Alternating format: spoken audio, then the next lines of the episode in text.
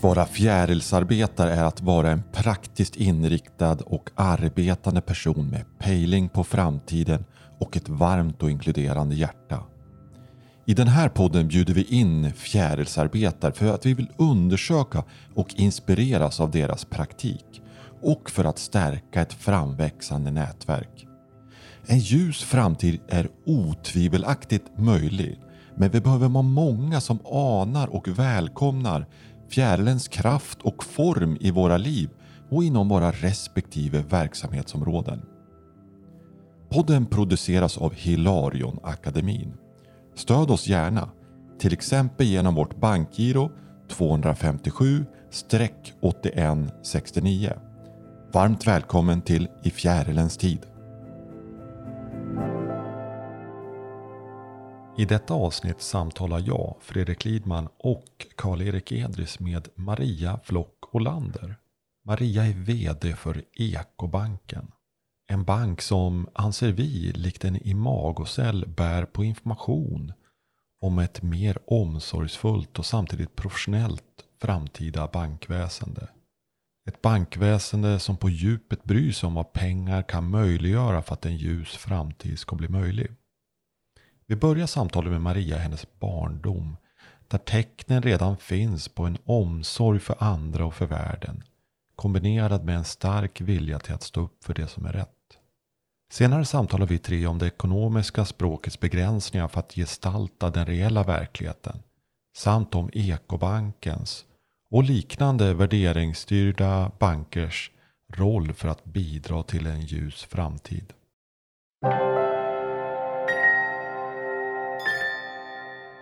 Och jag tänker att det faktiskt har en del med min uppväxt att göra. Mm. Och min barndom. Mm. Och eh, att det faktiskt är så att jag har varit också väldigt lyhörd som barn. Och ah, nyfiken. Nyfiken, lyhörd. Så det har nog gjort att jag alltid har varit så här, suttit med tyst och lyssnat på vuxna.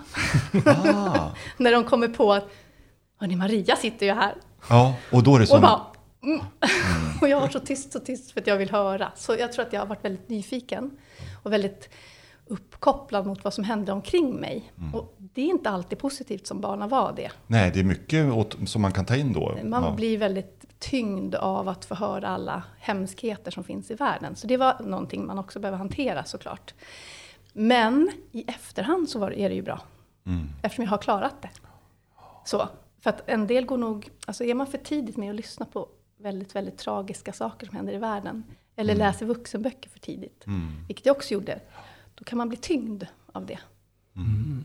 Eh, Men hur hanterade du det? Nej, exakt. För jag var nog ganska tyngd av det. Ja, du var det? Ja, ja jag mm. var nog ganska... Jag hade liksom hela världens... Liksom, allt som hände på, på, axl, på mina axlar. Jag var en sån mm. sådär... Tänk på de andra barnen, man måste äta upp maten och sån. ja. sån jättejobbig person som, redan som barn. Redan eh, som när du var 6, 7, 8? Ja, det var ja. tidigt, det var med dig. Ja, ja, ja. Mm. Det var väldigt så. Nej, men man ska inte palla äpplen. Så då gick jag ja. från gänget. Jag vill inte vara med. Man ska inte sno äpplen. Jättebesvärlig ju, för det är mycket lättare när alla tycker lika. Ja. Jo, jo, det är klart. Då är man ju en i skocken. Så du upptäckte tidigt dina värderingar ja, också? Ja, så mm. jag tror där var jag liksom eh, tidig med att lyssna på, ja, men jag kan inte, det här med att man pratar om när man liksom inte kan stå ut. Mm. Att vara kvar i en situation. Mm. Och jag var väldigt blyg som barn. Mm. Alltså väldigt blyg. Mm. Och att jag då i efterhand nu har, hur, hur klarade jag av att gå då? För att ett blyg barn är ganska lätt att man är kvar. För att man vågar inte kanske sådär. Så det, det kommer någonstans sådär rättvise patos, eller vad kan man kalla det? Men jag vet inte, väldigt rätt och fel. Det mm. får man ju jobba med, för man kan världen är ju inte så svart och vit. Nej, men det är ändå men det, var, det är svart och vitt ja, ibland. Ja, ibland. Det är höger eller vänster jag ska ibland gå. Ska jag palla äpplen eller inte? Ska jag palla äpplen? Ja. Jag kanske hade haft roligare om jag hade pallat ja. äpplet. Ja, ja men det, precis. Vi säger inte vad som är... så, eh, men, men så var det faktiskt. Mm. Så det där kom väldigt tidigt. Eh, att jag ville... Att jag var väldigt uppkopplad mot vad som hände i världen. Lite har det med mina föräldrar att göra, för vad de gjorde. Så där, mamma jobb, alltså de har varit mycket så affärsinriktade personer mm. i min släkt och det har varit olika positioner och sådär. Men mamma jobbade också för Amnesty och satt hemma och skrev brev. Ja, så att det påverkar så, det. Där de kom hem och satt och träffade sin grupp människor och skrev brev för att få människor ur fängelse. Ut, mm. För att de låg inför dödsstraff. Mm. Mm. Och det där hörde jag ju som liten. Så pappa, ett, an, ett, engagemang bortom sig själv fanns ja, närvarande bland de vuxna absolut, från? Absolut, ja. men samtidigt också väldigt, min morfar hade varuhus i, i Södertälje. Ja. Liksom, då är det, ja hur mycket sålde blus för? Hur mycket sålde kjol? Byx? Då är det pengar. Så att liksom, vi hade båda, tillgång till båda tror jag. Det här att man ska, ja, ja. men det var verkligen så. Hans annons var, vem står ut med Gösta Jonsson? så att jag har liksom, det är mix. Så det är jo, liksom... men alltså sån är ju tillvaron. Ja, den är ju det. Ja. Och pappa reste ju väldigt mycket jorden runt till eh, utvecklingsländer eh, för att jobba på Astra. Mm. Jaha, ja. så att han var inne i medicinvärlden? Precis. Mm. Så att han var ju i Kina på 80-talet och ja. Indien och Iran, mm. Irak.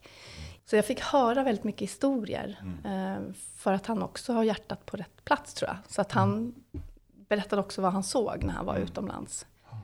Så jag tror det kommer därifrån. Ja. Men som sagt, jag hade också en morfar som var otroligt driven och entreprenöriell. Ja. Jo, jo. Så jag har liksom fått båda. Han hade ju inga fantasier om saker, utan alltså, han visste att han måste ha mer inkomster än utgifter. Alltså han visste det, och jag kan säga att jag har tänkt så många gånger på, undrar vad han skulle tycka, när jag berättade att jag jobbar på en värdedriven bank. Ja, så du tror det? Ja. Jag, jag undrar vad han hade sagt. Ja. Jättespännande. Oh, men han, han, kanske hade sett tillräckligt mycket av nackdelarna med det han höll på ja. med för att han skulle tycka mm. att det var bra. Ja, jag tror rent det. Utav, jag tror rent det. Utav. Tror det. Ja. Men just precis då tror jag inte att han kanske skulle ha tagit det steget. Ja, mitt ja. i det då. Ja. Nej, men så jag tror att det är det som har gjort att jag liksom alltid har varit. Sen är det också det här med böckernas kraft. Mm. Um, och det har jag faktiskt sagt i en annat, på ett annat tillfälle och då blev det en rubrik. Men det var Barbapapa-böckerna. Har ni läst dem? Nej, inte jag. Nej. Jag har sett filmerna, de små korta filmerna. Och det var, det var den boken och sen finns det en annan bok där djuren var på flykt i skogen för att de skulle bygga en väg. Aha. Där de här, fabri, de här stora alltså här traktorerna kommer, och, kommer och förstör. Ja, och djuren måste fly. Det var inte ja. Barbapapa, det var en annan ja. bok som vi hade hemma. Ja, och det där det liksom, kändes, det inte, kändes inte, inte bra. Nej. Nej. Det. Så det där har liksom funnits där på något sätt. Va? Mm. Och Barbapapa, hur, hur påverkar det? det är så roligt. Och där, då, där, finns det en bok som handlar om att de väldigt illustrativt visar på en, en flod. Mm. Och så är det fabriker här borta, som spyr ah. ut. Och så ligger det fiskar liksom upp och nervända och håller sig för magen. Aj då. Ja. Alltså det är så billigt. Ja. Att det här var ju inte så bra. Nej, nej. nej. Det här kan inte nej, vara bra. Nej. Vill jag eh, tjäna pengar på att ge fiskar ont i magen? Ja, och de här kanske inte hade fattat att fiskarna Alltså nu pekar jag i, rummet, men de här ja. som har fabrikerna här Nej. kanske inte ens kopplade det till fiskarna, Nej. för det var inte riktigt säkert. Men, men det där... När du skulle översätta de här känslorna och den här liksom, vad ska man säga, varseblivningen av världen och, och studera och så, vad, vad, vad, gjorde du av det då? Jag menar, man kan ju sitta där och ty- känna vältsmärts, ja, ja, precis, exakt. Men vad ska man göra av det när man möts av eh, skolan och alternativ och utbildning och du skulle ju bli en stor flicka. Ja, någonting skulle det bli också. Ja. Precis, eller skulle fortsätta. Hur tänkte men, du då? Ja, jag eh, har tänkt lite också på det faktiskt. För ja. att, varför engagerade jag mig inte i någon miljöorganisation mer mm. än var med, för jag var medlem så. Mm. Och, och, men jag var inte sådär, var inte aktivist och stod på, mm. nej det, det, blev, det gjorde jag inte. Jag eh, tog alltid debatten. Mm jag stod alltid upp för de svaga. Det var inte bara miljö, utan jag har stått där, min kompis som blev svårt mobbad av äldre kompisar. Mm. Sen jätte, jätteung så stod jag där och fast jag var så blyg så stod jag med. Alltså jag, det där stod vi inte ut. Vi var faktiskt några stycken som inte stod ut med att hon mm. blev mobbad av andra. Så att jag, så att min kraft gick åt att hjälpa de som var närmast tror jag.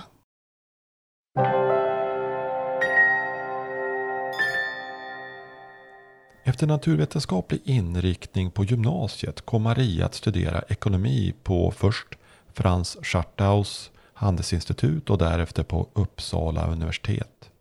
Studierna genomsyrades av Marias dragning till hållbarhet och att söka bidra till en bättre värld. Detta genomsyrar även senare hennes arbete som revisor på Pricewaterhousecoopers, som vi samtalet förkortar till PWC. Vi kommer relatera till det att prata om det ekonomiska språkets begränsningar i att gestalta verkligheten. Vi kan ju som människor och verksamheter känna oss framgångsrika och göra vinster. Men när de reella kostnaderna för andra och planeten inte ingår i kalkylen kan det faktiskt vara en förlust för helheten. Därefter undersöker vi Ekobankens roll och betydelse i att bidra till ett mer värderingsstyrt bankväsende som sätter omsorgen om helheten i första hand.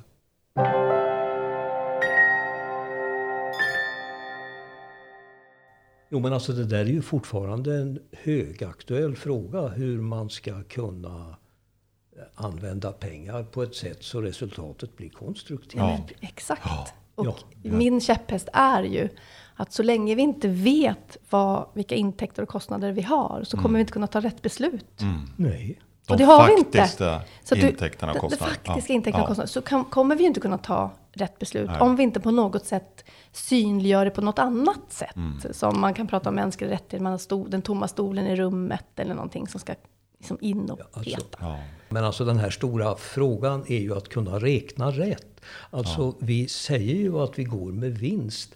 Men har vi tagit med kostnaderna?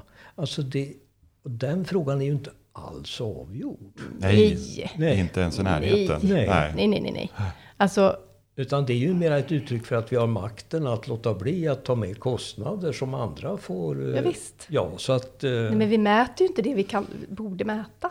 Nej. Nej, men jag och vi kan bara... kanske inte mäta det då. Men Nej, då måste vi vara väldigt medvetna om att vi inte kan vi mäta. Inte. Och då måste vi göra något annat. Så att mm. vi, det är min, andra, min första käpphäst, det är den. Den andra är ju att vi inte ska kalla det icke-finansiella liksom icke-finansiell information. Utan vi ska kalla den extra finansiell information.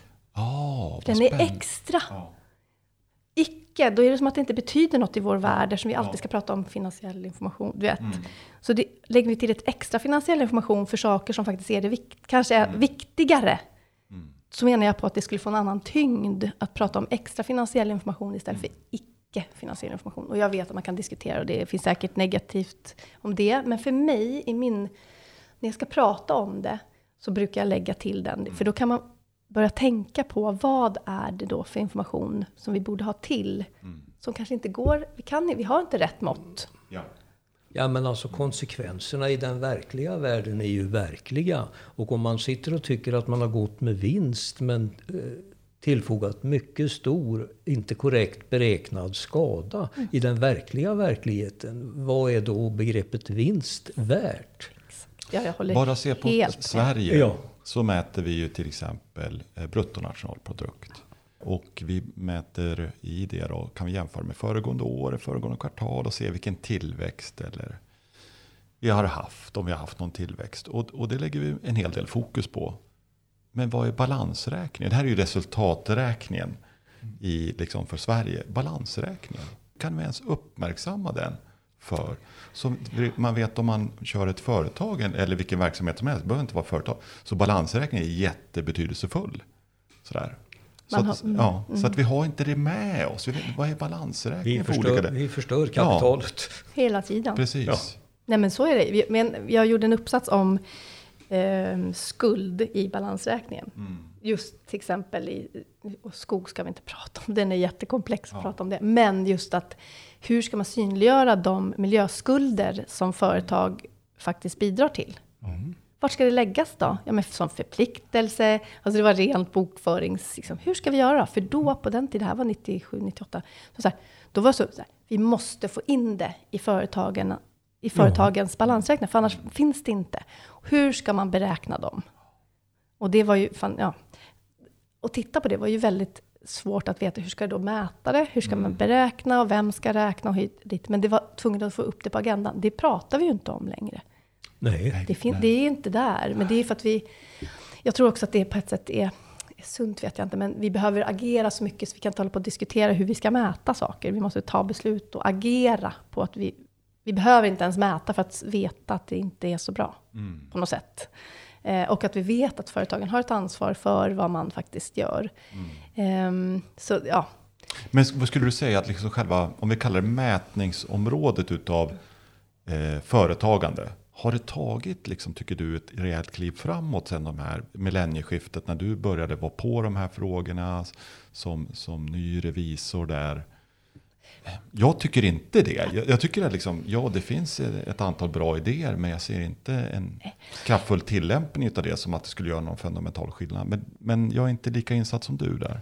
Man säger att nu med den taxonomin som kommer, mm. EU-taxonomin, att det kommer bli en stor skillnad för företag. Och det kommer bli jättetufft också för de små och medelstora som kanske inte har resurser för att räkna på det och mm. informera om det som kommer med den.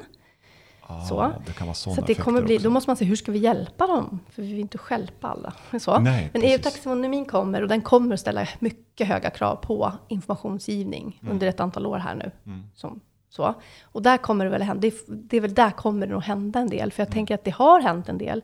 Men de avtrubbas alltid på något sätt. Ja, ja, men äh, skriv inte för mycket om det. För då, alltså man får till en, på något sätt, någon balans så att det ändå inte blir en effekt. Just Nej. det. Du så att det, liksom, du, ja. du kommer så här, ja, men nu behöver vi ta in den här informationen. Ja. Men så hittar man liksom på något sätt... Så att vi kan fortsätta man, som ja, tidigare. Exakt. För det är ju för oss alla i våra exakt. liv. Och i vår, så att, hur kan vi göra så att vi kan fortsätta? Så inte så att vi bryter bana här nu. Utan, nej, men de krafterna är så, så starka. Men jag tror det händer något. Det känns ju, åtminstone när jag lämnade de där frågorna mera akut, att det blev mera informationsavdelningarna mm. som ja. tog hand om det. Så ja. det blev en slags greenwashing som det kallas av det hela. Så att, att man tappade lite kontakten med verkligheten. Nej, men, och den har ja, nog inte kommit tillbaka den kontakten Nej. heller. Så här, det är också, man pratade, helt plötsligt så hamnade det, var det, när vi satt där på PVC, då var det kommunikatörer vi bara pratade med. Mm. Och det var väl inte de som ska hålla i hållbarhetsfrågan bara. Nej, nu, det, nu har det svängt lite. Det går ja. lite fram och tillbaka det där. Ja, men du alltså behöver ha dem med dig. Det är ju ytterligt reellt. Ja, men alltså du behöver ju ha nu, nu händer det saker. Jag tänker, det, jag är det händer saker. Och det har hänt saker. Men det måste in i styrelsenivå ja, och ägarfråga. Det är ingen annanstans. Det är, ju där, det är ju en ledningsfråga i högsta grad. Ja, visst.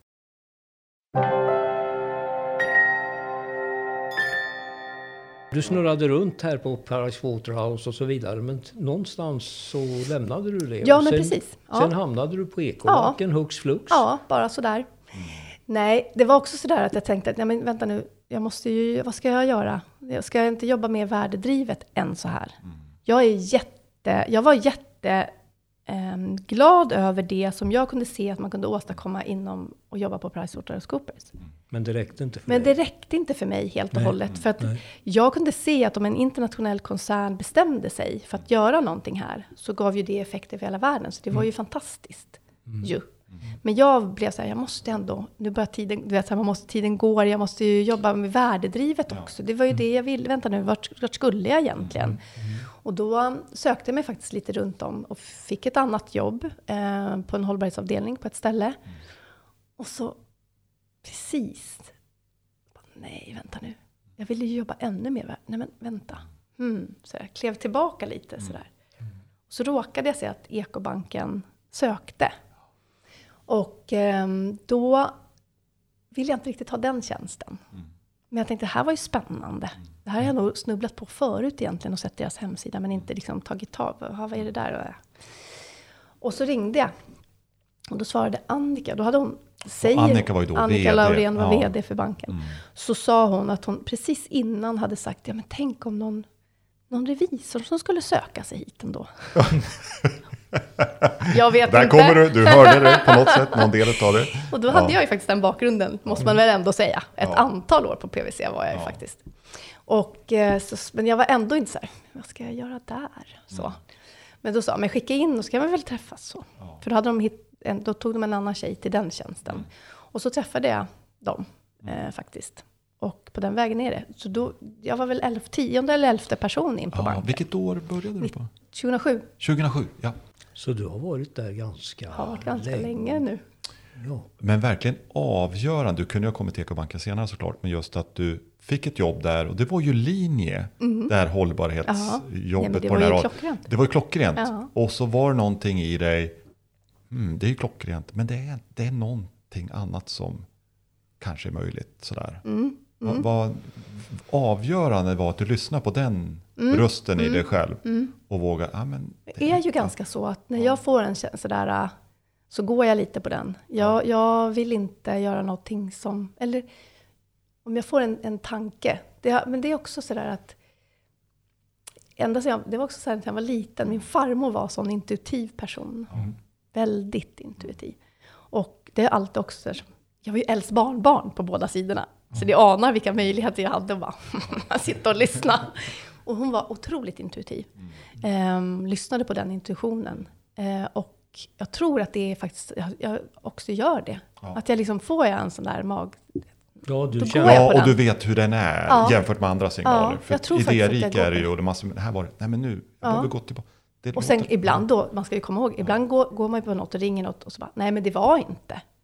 Ja. Man kommer ju oftast ihåg när man går på något och så blir det som man Jo, positiv. jo, men här kände du att det Men det här var ändå ett Här- ganska här var stort det ganska steg stort. Ja, ändå för att, att jag kände- backa från vet. möjlighet. Mm. Då, det, här, det var ett intressant karriär. Du som också har varit i Mm. konsultbranschen och så. Det här var ett intressant karriärsval jag gjorde. Verkligen. Fick jag höra. Ja, Intressant, precis. ja. Eh, Som en kan säga, interesting, det vill säga, vad håller du på med? Ja. Ja. jag har också gjort intressanta karriärval. Men, Jaha, Fredrik, han gör inte karriär längre, var någon som sa 15. Nej, jag gör nog min egen väg, så vi får se jag vad den såg leder. aldrig så. Jag jobbade inte för någon karriär. Men jag, fast, fast jag ska vara helt ärlig med, jag gillar att få bestämma. Det, precis, det var en sak jag suttit och tänkt på här. Viljestyrkan har ju funnits där Ja, men tidigt. envis och, Ja, och vilja envis och- bestämma. ja. Alltså jag är ju stora Verkligen. syster av alltså Jag vill ju gärna så. Så att det är ingenting som jag...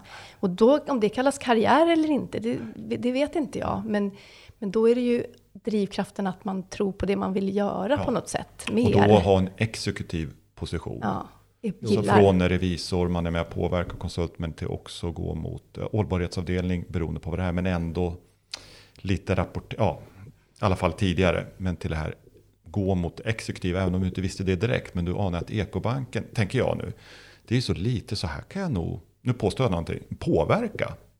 Det är inte 20 000 anställda här, vad det nu var då, 10, 5, 10. 10. anställda.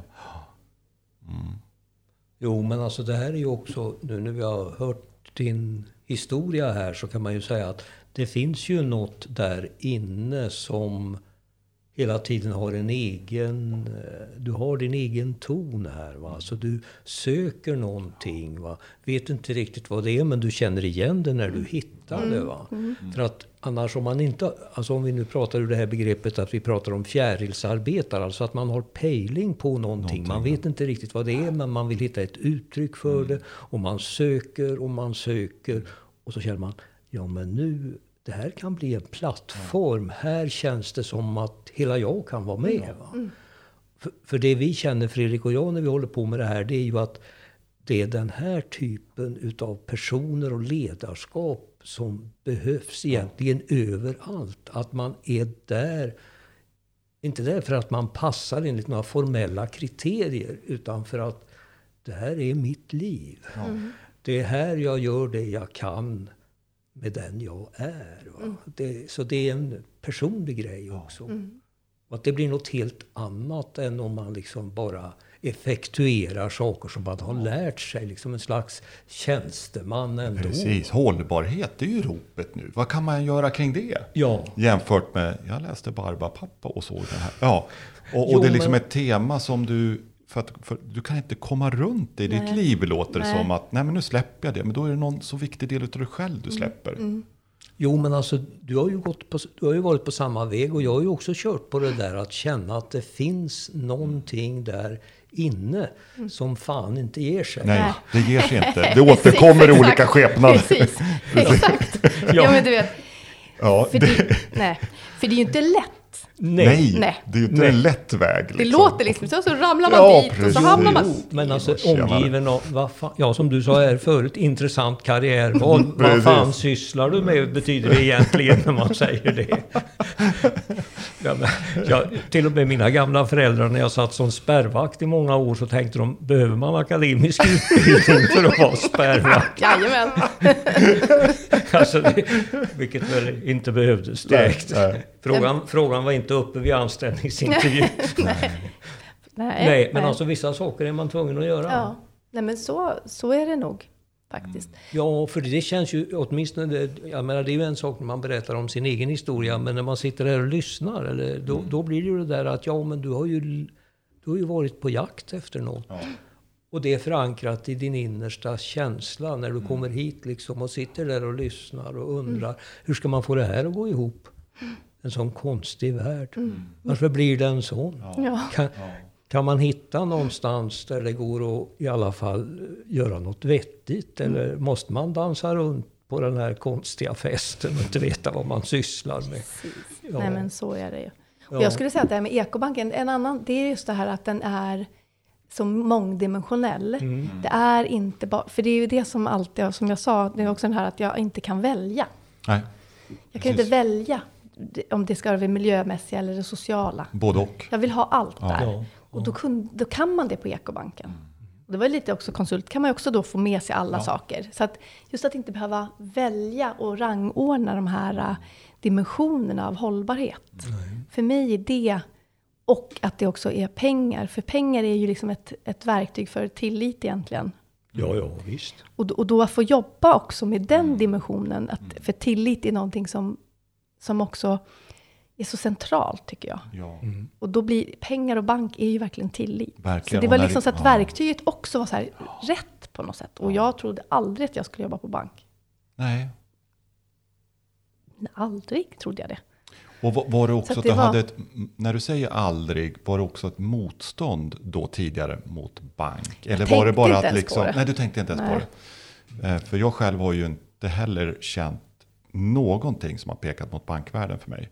Men det har inte varit något in, så Nej. mycket instinktivt motstånd Nej, heller nej. för 2030. Ja, det är inte så, men det liksom, har inte varit någon energi kring det. Ni, ni fick mig att minnas när jag höll på där med Christer Malm och, och, och Postgirot. Det var ju mycket om det här med bra miljöval på den där tiden. Så då tänkte jag, höll jag något föredrag och då var min poäng att komma fram till bra penninganvändning.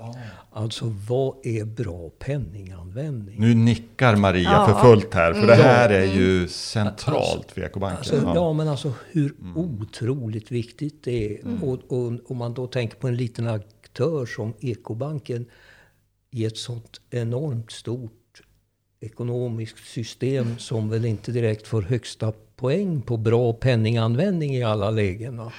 Mm. Men alltså, så det där arbetet är ju otroligt viktigt att vi använder pengarna till bra saker. Ja, men det är så enkelt Ja, ju egentligen. Skulle vi styra pengarna dit de ska vara, Ja. så skulle vi inte ha den värld vi har. Nej. nej, Nej. det är Det är, Punkt. det är så Ja, punkt. fundamentalt. Det är det liksom säger. bara Ja. så. Ja, men alltså då är det ju intressant. Du får ju då anledning att reflektera över hur en liten aktör ska simma runt i den här, sto- det här stora ekonomiska... Stora finansiella globala oceanen. Liksom. Men tänk, jag tänker att, för att om man skulle tänka så, att det är det här super och att vi är så små, då, går, då blir det ingen mening. Men jag tänker alltid att varenda liten del vi gör är så viktig för just de som blir påverkade av Ja, den. här står jag upp för Så. en kompis. Nu. men exakt. Ja, typ samma sak. Jo, men ja. alltså det är klart att det är så. Ja. Ja. Alltså den grandiosa stora planen som löser det ekonomiska Precis. systemet, den finns Eller ju spränger inte. allting. Nej men, nej, men alltså Nej. det är ju alltså en... eh, jag brukar ju säga att ett steg i rätt, om alla tar ett steg i rätt riktning så blir det en kolossal förändring. Så att man ska ju jobba med det, den konkretion man har. Alltså att hur sköter man, trots att världen ser ut som den gör och det ekonomiska systemet är som den ekobanken så bra som möjligt. Och att det kan eh, ha revolutionerande effekter. Alltså att vi, det, jag håller på att tänka på det här nu. Jag blir, nu går jag igång på det där att känna liksom att i och med att problemen är så stora så drömmer vi om de stora lösningarna. Men det kommer inte att gå till så. Utan det är personer som är tungt förankrade i någonting konkret som blir inspirerade att göra det på ett så bra sätt så att det kommer att få spridningseffekter. Det upptäcks inte på en stor konferens någonstans där det är fullt av folk som har stora egon och pratar. Utan eh, alltså att göra saker i verkligheten och dra erfarenheter tror jag är väldigt viktigt. Instämmer och tänker också på någonting som, som du visar här när du pratar om dig själv. Och det är den här omsorgsenergin, va? eller Ja. omsorgen, kärlek, omsorg om eh, dina, dina kompisar. Till omsorg om de verksamheter du är. Och nu är det omsorg om Ekobanken och vad Ekobanken står för. Och Ekobankens kunder och vad det syftar till. Den delen är, alltså du och jag Karl-Erik upptäcker mer och mer utav det. Hur viktig den är. Och sällan, det pratas inte så mycket om det heller. Att visa, nu, nu tar jag det fina gamla ordet omsorg. Vad är det? När man på djupet bryr sig om sin verksamhet och vad den gör och inte gör. Och samtidigt är när man är jätteprofessionell, som Ekobanken, som jag uppfattar jättevälskött bank. Och visar väldig omsorg kring vad vi gör och inte gör. Så där tycker jag liksom, lilla Ekobanken som kanske, vi får se vad som händer med Ekobanken om den blir större och så här. Men den är för mig ett exempel kring, och det passar också med ditt sätt att vara. Tänkte jag, omsorg, ja just det, det är det man ska visa här. Mm, jo, Nej, men jag tror att det är därför jag också trivs att vara. Ja, 15 år nu då, Ja, exakt. 16, det är väl ja, något sånt Ja. blir det ju. Ehm, och att, jag, att man faktiskt också tycker att det är värt det. På något sätt.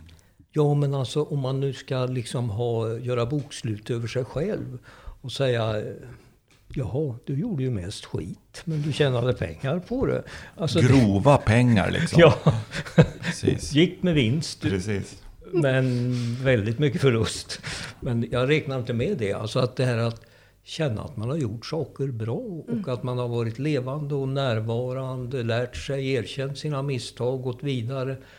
Alltså ska världen bli välskött så måste den ju fläckvis vara välskött. Alltså man måste ju börja. I de där sammanhangen blir, kommer jag ju in på, det gjorde jag nu, jag tror jag berättar den historien här.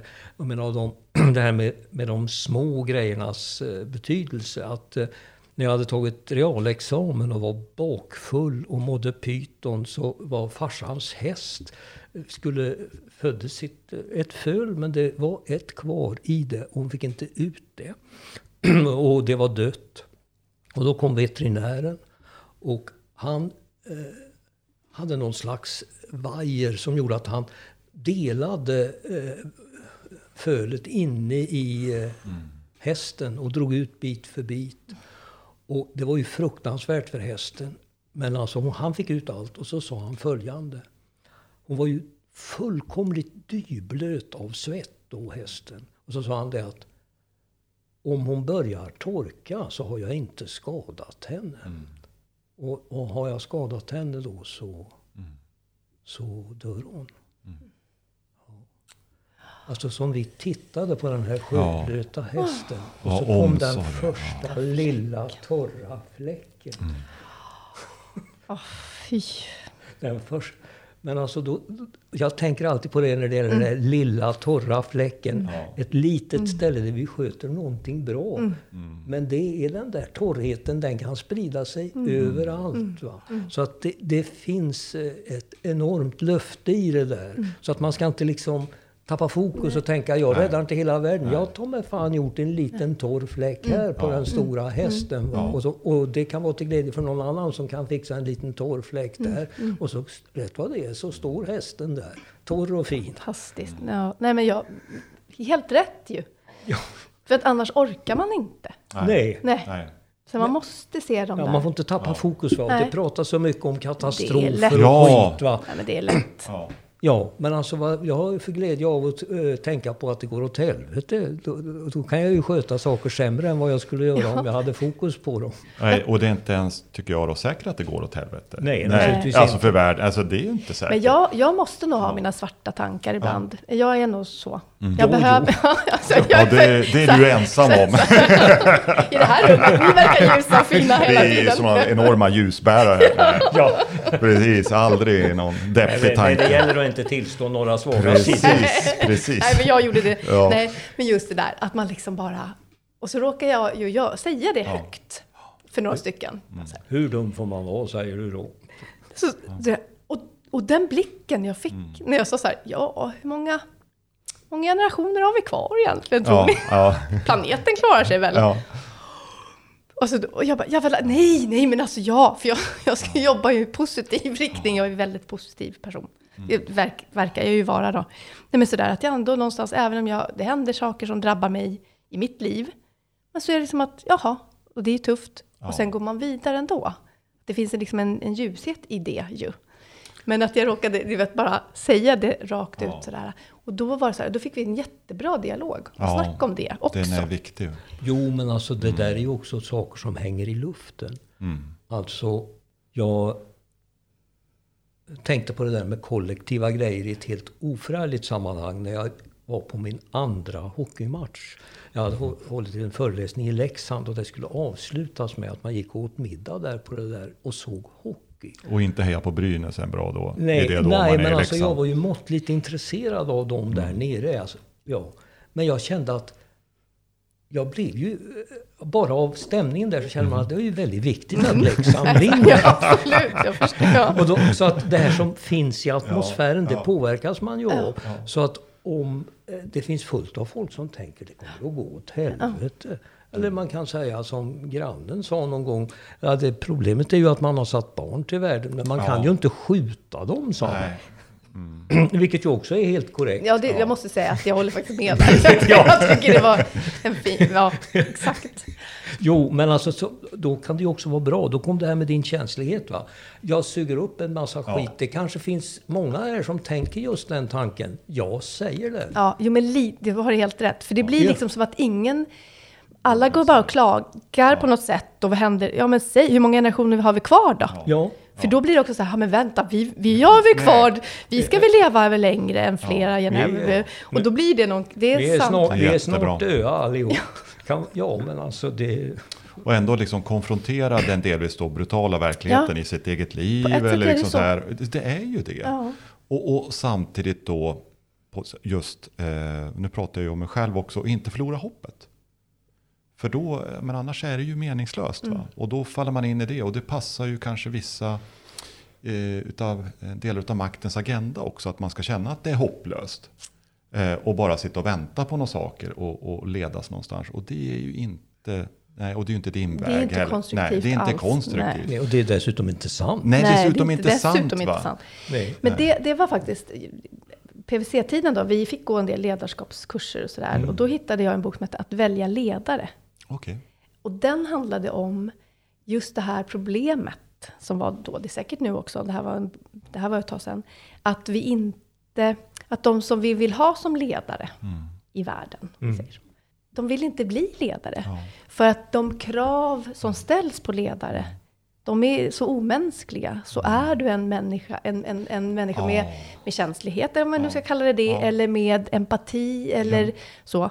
De, de och vill inte ställa upp på kriterierna På de för villkor nej, på de som villkor gäller. som gäller i många Nej. multi... Om vi pratar multinationella, eller vi Precis. pratar även inom Och politiken. auktoritära Ex- regimer, jag menar. ja, men absolut. Herregud? Och då blir ju inte de som borde vara ledare, ledare. Ja. Nej. Och då, då, då blir som vi, så vi själva, vi uppfyller ju hela tiden det här, den negativa spiralen. Ja. Tar, tar spiralen neråt istället. Så att vi får ju inte dem, för vi, vi anpassar inte strukturerna Mm. så att man kan vara människa och leda på något sätt. Men där måste också förändringen komma underifrån. Vi sysslar ju med den här kursen då, banbrytande Mm. ledarskap. Där pratar vi ju om makt och kärlek. Alltså det här med makt och omsorg. Alltså att det är viktigt att få de sakerna att gå ihop. Verkligen. Alltså om det bara är makt och något slags instrumentellt perspektiv på hur mycket pengar man ska få över och hur hänsynslös man kan tillåta sig att vara för att få in de där kulorna. Då ser ju världen ut så som den gör nu och då kan man ju fråga hur bra är det? Så att Alltså så det, det är också ett, vad ska man säga, underifrån-arbete. Vi, delvis har vi ju eh, de ledare vi förtjänar. Ja, ex, jo men Mm. Ja, precis. och det är därför det här eh, engagemanget underifrån, då blir det svårare Mm. för Och den lilla torra fläcken. ja, den lilla torra Ja, fläcken. Va? det är Ju fler man torra jobbar på- fläckar ja. det är, då kan det inte vara någon Putin-typ i le- ledningen för Nej. verksamheten. Men, men jag är nog, och så kan jag vara lite barnslig i min sådär, så vi, man brukar säga så här, ja men för, man säger så här, företagare, politiskt, så att det är omäns, man mänskliggör inte. Nej. Men det är ju människor som är där. Ja, och då blir jag så här, men, kom igen nu, ta ditt eget ansvar för vad Ja. du vill med ditt liv och med din omvärld. Ja. Så jag tror det är tillit, men det är också ansvar, ansvarskänslan på något Ja. sätt. Att man, det här med att skylla på någon annan. Ja, det är någon det- annans fel. Ja. När funkade det? Nej, men det, det, Det funkar. Nej, och då blir man så dessutom så, ett Hur ska vi offer. få till den Ja. förändringen? Och jag tror ju på det här med, med att föräldrar har ju sin del, men ändå att man i skola, att man liksom för in mycket mer om världen och livet tidigare. Att man liksom pratar om sådana saker. Och hur, hur ska vi, du ska inte gå in på AI-diskussionen kanske. Nej, det kan vi ta en annan gång. Precis, men men men, jag menar det att om vi nu kommer nu. dit, vad ska vi människor då vara till för? Ja. Och då, kan, alltså, då behöver vi ju liksom få verktyg för att vara människor. Och det Mm. låter ju hemskt, men det, det är som att vi tappar bort det på något sätt. Ja, vi följer någon sorts, om vi kallar det maskinlogik i det moderna, sedan flera hundra år. Och AI sätter ju det verkligen på, sin plats- ja, spets. på sin spets, ja. Är det den verkligheten vi vill gå in i? Mm. Vad, vad är den då? Jämfört med en tro på som Karl-Erik och jag har, att vi människor är ju så mycket större än så. Så vi kommer aldrig kunna dessutom konkurrera och vara robotar bättre än robotarna. Det är bara, ja men det är ju det är det den kampen som, det är ju bara en dum idé liksom. Och så, men tror man att vi människor är maskiner så, så är det ju den, den slutsatsen man får dra då. Jämfört med att vi har till exempel den intuitiva aspekten i oss. Där vi känner och som du beskriver, ja men här är det här jag ska agera. Värderingsmässigt, vad skulle en robot ha gjort Men, där och som att barn? göra fel. Ja, precis. Förlåt. Ja, nej, nej, verkligen. Men och att göra fel. Det är ju det som är att också vara människa, att, att, Ja. att göra fel. Men har du en robot eller en AI-programmerare, så de ska ju inte göra fel, för då blir det ju jättekonstigt om de ska Precis. sitta i beslutande på något sätt. För då, Nej, men- Ja, nej, det är verkligen jämfört med att göra fel. Det är ju de mänskliga villkoren. Att vi är ute där, i, det är oklart och osäkert jättemycket. Ja, men alltså, livet är ju utveckling. Alltså det, man är ju inte här för att defilera utan man kommer ju hit lite lagom förvirrad, försöker att hitta sin plats och göra så gott man kan. Va? Och, och så länge man kan hålla igång det där så att man känner att man växer och utvecklas, då är det ju underbart att vara människa. Så, sen händer det en del saker som man inte hade bett om. Och man, och jag, menar, jag brukar säga att det, i varje liv händer det alltid saker som man skulle ha tackat nej till om man hade fått frågan. Men i, sen efteråt kan det ju ofta vara så att det var väldigt bra att de där sakerna hände. För det gjorde att man fattade saker som man inte fattade att man behövde fatta. nej, men så är det ju. Ja, och det är ju detta som är att vara människa. Inte att man är en underhaltig robot som är gjord av kött och eh, inte av silikon. Kötthjärna istället för ett silikonhjärna. Jag, jag tänker så här Maria, nu eh, 15-16 år sedan du började på Ekobanken. Och du blev vd, kommer jag ihåg, 2020? Mm, första januari 2020. Första januari 2020. Så, och kom ju, ja, snabbt kom ju pandemin igång och annat. Men, så nu har du varit vd några år.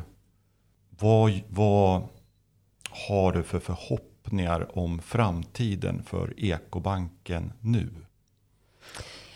Dels att vi, det är så uppenbart att ekobanken behövs som instrument för det vi vill göra. Så, att finnas där som ett, en, en bank för att göra, eh, alltså finansiera de hållbara pro, projekt och också omställning som behövs. Det, det tror jag liksom, det, det, ekobanken behövs. För vi, där är ju ekobanken startad från det initiativet. Det är ingenting man har lagt på Nej, det är ju Efteråt. medlemsbank med medlemmar som är medlemsbank- intresserade Så- utav just det. Precis, som Ja. kommer inifrån och som har startat ur det. Inte för att man ser att det behövs på marknaden på, då, på så sätt och så lägger vi till det för annars tjänar vi inte pengar. Så det på mig, för mig är det liksom drivet utifrån att man behövs. För att det finns ett behov av en bank som säger ja men vi kan låna ut till det här initiativet och lägga tid och kraft på det i början för att vi tror att det är viktigt. Och inte bara räkna på vad kommer det att kosta och vad kommer vi att tjäna på det. Sen behöver vi ha vinst för att vi i det jo. att utvecklas. Det är inte det man säger, det måste man alltid lägga till när man säger det här. Eh, så så att d- för mig är det liksom det och, och att man ser att det behövs för att skapa en utveckling av det ekonomiska och finansiella systemet. För just nu så, så är det ju en, en kraft som kommer, mm. att det finansiella systemet också måste ta hänsyn till eh, miljömässiga aspekter och sociala mm. aspekter, men mycket utifrån ett riskperspektiv. Mm. Det är översvämningar, ja, det kostar det. pengar. Ja. Det, fine, mm. då får väl det vara drivkraften på ett sätt, för att det händer någonting. Men drivkraften hos oss är ju något annat. Mm. Eh, och då tror jag att vi verkligen behövs också för att visa på det här med att skapa mervärde när vi gör någonting med pengar. Mm. Eh, och att det är det som faktiskt skapar, och att det finns 70, till, 70 stycken till banker i världen som jobbar på samma sätt. Är du nöjd med hur eh, potentiella kunder förstår att eh, Ekobanken är rätt bank? Nej, jag, ty jag tycker ju att fler skulle förstå att man skulle öppna ett Ni konto. Ni som lyssnar här nu, ja. skärp er. Öppna, öppna ett konto. konto. Ja. Det tycker jag faktiskt. Alltså, mm. Där kan jag faktiskt, just det här med handling. Ja. Jag träffar jättemånga människor. Jag har ändå jobbat i hållbarhetsbranschen i över 25 år. Ja. Skulle jag säga. Och eh, skulle nog vilja se fler av dem jag känner under de här åren mm. öppna ett konto och bli kunder. Bara öppna ett konto och spara lite. Det här är ju spännande, Så. fast frustrerande spännande. ja. vad, vad, vad, är dina hypoteser om vad det här handlar om än så länge? Den här trögheten. Eh, att man inte tar det steget. Nu är det ju de som tar det steget också. Ja, men, vi, men liksom, ja. Det är ju fantastiska människor som ja. faktiskt blir kunder i banken. Ja. Det är ju många som blir det. Ja, och man känner, för jag tänkte att det är ju två sidor av saken. Det är dels det här att sätta in sina pengar där, men att också förstå att eh, det är bra för ens affärsidé om man kommer i kontakt med, eller har en bank som förstår ens logik och, ja. och motiv och kanske till och, och med som kan, bryr sig. ja, kan som kan hjälpa förstå. till ja. kanske eh, på basis av den erfarenhet som ju ändå ackumuleras på ett sånt ställe. Precis. Än att eh, vända sig till en vanlig bank som kanske tänker, ja det var, undrar riktigt om de där har fattat vad ekonomi är som mm. kom hit. Men det är två spår. Dels ja. är det ju inlåningen i banken ja. som vi vill ska öka ja. så att vi kan gör, finansiera bra initiativ. Så det är den ena. Och där är det en tröghet tror mm. jag för att man och det tror jag är inbyggt hos oss. Man ska klicka lite steg, ja, man ska ja, svara på lite frågor. Ja. Det är besvärligt. Pengar är besvärligt. Bank är besvärligt. Gör och gör någon skillnad. Men det är väl en bank som alla andra? Men man, ja, så. så. så det förstår mm. jag. Så. Den andra sidan är ju, och där tror jag vi liksom faktiskt får många, många frågor just på att man mm. vill ha en hållbar bank som sin medpartner i det man ska göra. Och man ser att vi förstår faktiskt vad de vill göra direkt. Vi mm. behöver inte ifrågasätta. Varför ska du inte köpa det där? Det, där, det blir ju krångligt om du ska hålla på och blanda in sociala aspekter i det här. Precis. Ja. Och där tror jag, det är, mycket, det är väldigt enkelt. För de mm. letar och de förstår, många. Mm. Det mm. kan säkert vara flera såklart. Mm. Eh, som, som ska hitta oss. Som inte har tänkt på tanken att att leta efter en bank som tar hållbart ansvar Nej. hela vägen. Nej. För det är ju det som man inte tror. Att det finns en bank som inte... De flesta bankerna har ju, har ju jättefina initiativ, ja. men de fortsätter göra det här som kanske Kärnan inte är, är bra mm. för miljön eller planeten. Jag, jag, fick en tanke nu att banken blir nästan som kyrkan förr i världen. Alltså att när man är liten så finns det liksom... Ja, man, farsan hade pengarna på Nordals härads sparbank. Mm. Alltså att, att man kommer in i någonting som liten redan. Mm. Att man inte tänker så lätt på eh, eh, det hela som en marknad. Mm. Förrän man redan har någon, eller det är som politik kanske, man har redan fått något med modersmjölken som man tänker, ja men ekobanken, det verkar ju litet. Mm, ja, men så, så tror jag faktiskt att det kan vara. Ja. Och att man, det här med att vi är inte det är kanske dumt att säga, men man har inte tänkt på det på det sättet. Nej, För du tänker, det. jag tror att, det att vi har ju bra miljöval, som du pratade om, mm. Fairtrade-märket. Då blir det tydligt så här, jaha, om jag väljer det här, då betyder det någonting med mina ja. pengar i, i ja. hand, när du handlar. Mm. Man går inte och så fonder pratar man ofta om, fonder finns det.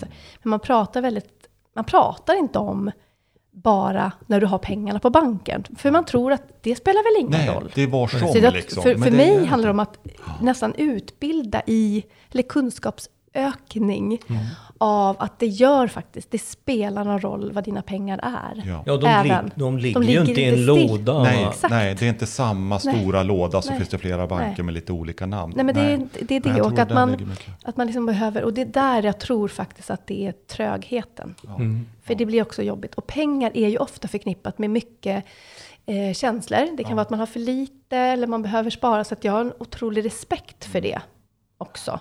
Att det är något man inte liksom vill ta i riktigt. Nej, det är ju inte något lättvindigt. Nej, och då blir det liksom så här, ah, mm, sådär. Och det är såklart att det är ehm, viktigt med Fair Finance Guide som finns. Som gör en studie och tittar på hur Ja, ja. bankerna beter sig utifrån ett hållbarhetsperspektiv. Hur oerhört viktigt det blir att um, sån organisation gör det oberoende. Så. Och tittar på det. Och sen också gör uppföljningsstudier på, har man gjort det man har sagt? Alltså tänk vad oerhört viktigt det är. Ja, för ja. upplysnings... Liksom, Samtidigt som vi har den här diskussionen sitter jag också och tänker på Ekobanken är ju en framgångshistoria samtidigt. Verkligen och har varit. Det är bara det att den kunde vara ännu större och den typen av banker, måste ju inte bara vara Ekobank, kan vara andra ba- banker. Men där det finns än så länge en viss tröghet och trots det så är Ekobanken en fram, framgångshistoria till dags dato. Det är, ju- det är ju så också. Men där vi, man skulle vilja påverka ännu mer personer. det, För ju mer inlåning som du säger det finns, ju mer kan man låna ut till Mm. vettiga projekt eh, och idéer. Mm. ja, och det är väl det frustrationen kan... Apropå Ja. frustration och så. Det är ju just finns det. där. Ja. Potentialen finns. Mm. Och man träffar på många som också uppskattar att ekobanken finns. Ja. Jo, jo, det är klart. Så. Ja, men om det man kan gå från uppskatta till också. Och göra. Nej men ja, precis, och göra verkstad av det. För att var du placer, inte placerar, var du har dina pengar, det du ska ha i banksystemet. Det har st- större har stor- betydelse ja. än vad de flesta Ja. Mm. är medvetna om. Det är inte som att elen finns överallt och vilket, nej, det är inte samma sak beroende på. Och jag uppfattar det här med bankvärlden, vi, ja, Ekobanken följer ju samma regleringar som alla andra banker. Och trots allt finns det jättestor handlingsfrihet som Ekobanken utnyttjar. Att man kan göra det på sitt eget sätt. Eh, som jag tycker Ekobanken verkligen gör. Ja, nu har vi slagit ett slag för Mm, ja, ekobankerna. Nej, men det, det, har, det, har en, det har en stor betydelse. Vad du, hur, du, hur dina pengar får, du parkerar dem, eh, du förvaltar dem och så vidare. Det lilla du kan göra, var och en av oss, som företagare, verksamhet, eh, privatperson. Ja, så pengar är ju inblandade i det mesta Ja. som händer. Jag behöver ju inte energi. betala mig själv för att andas, men jag Nej. menar, det, det, det, annars är det ju pengar inblandade i allt. Att man gör på det ena eller det andra sättet. Så att hantera pengar på ett annat sätt, det är, det är en nyckel till mycket.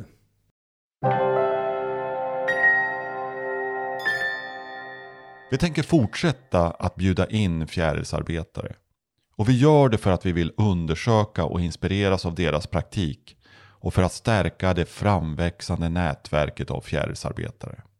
Men vi gör det också för att vi hoppas kunna ge näring och stimulans till våra gäster i deras fortsatta fjärilsarbete. Det är nämligen en krävande sysselsättning att få frön från framtiden att slå rot och blomma ut i nuet.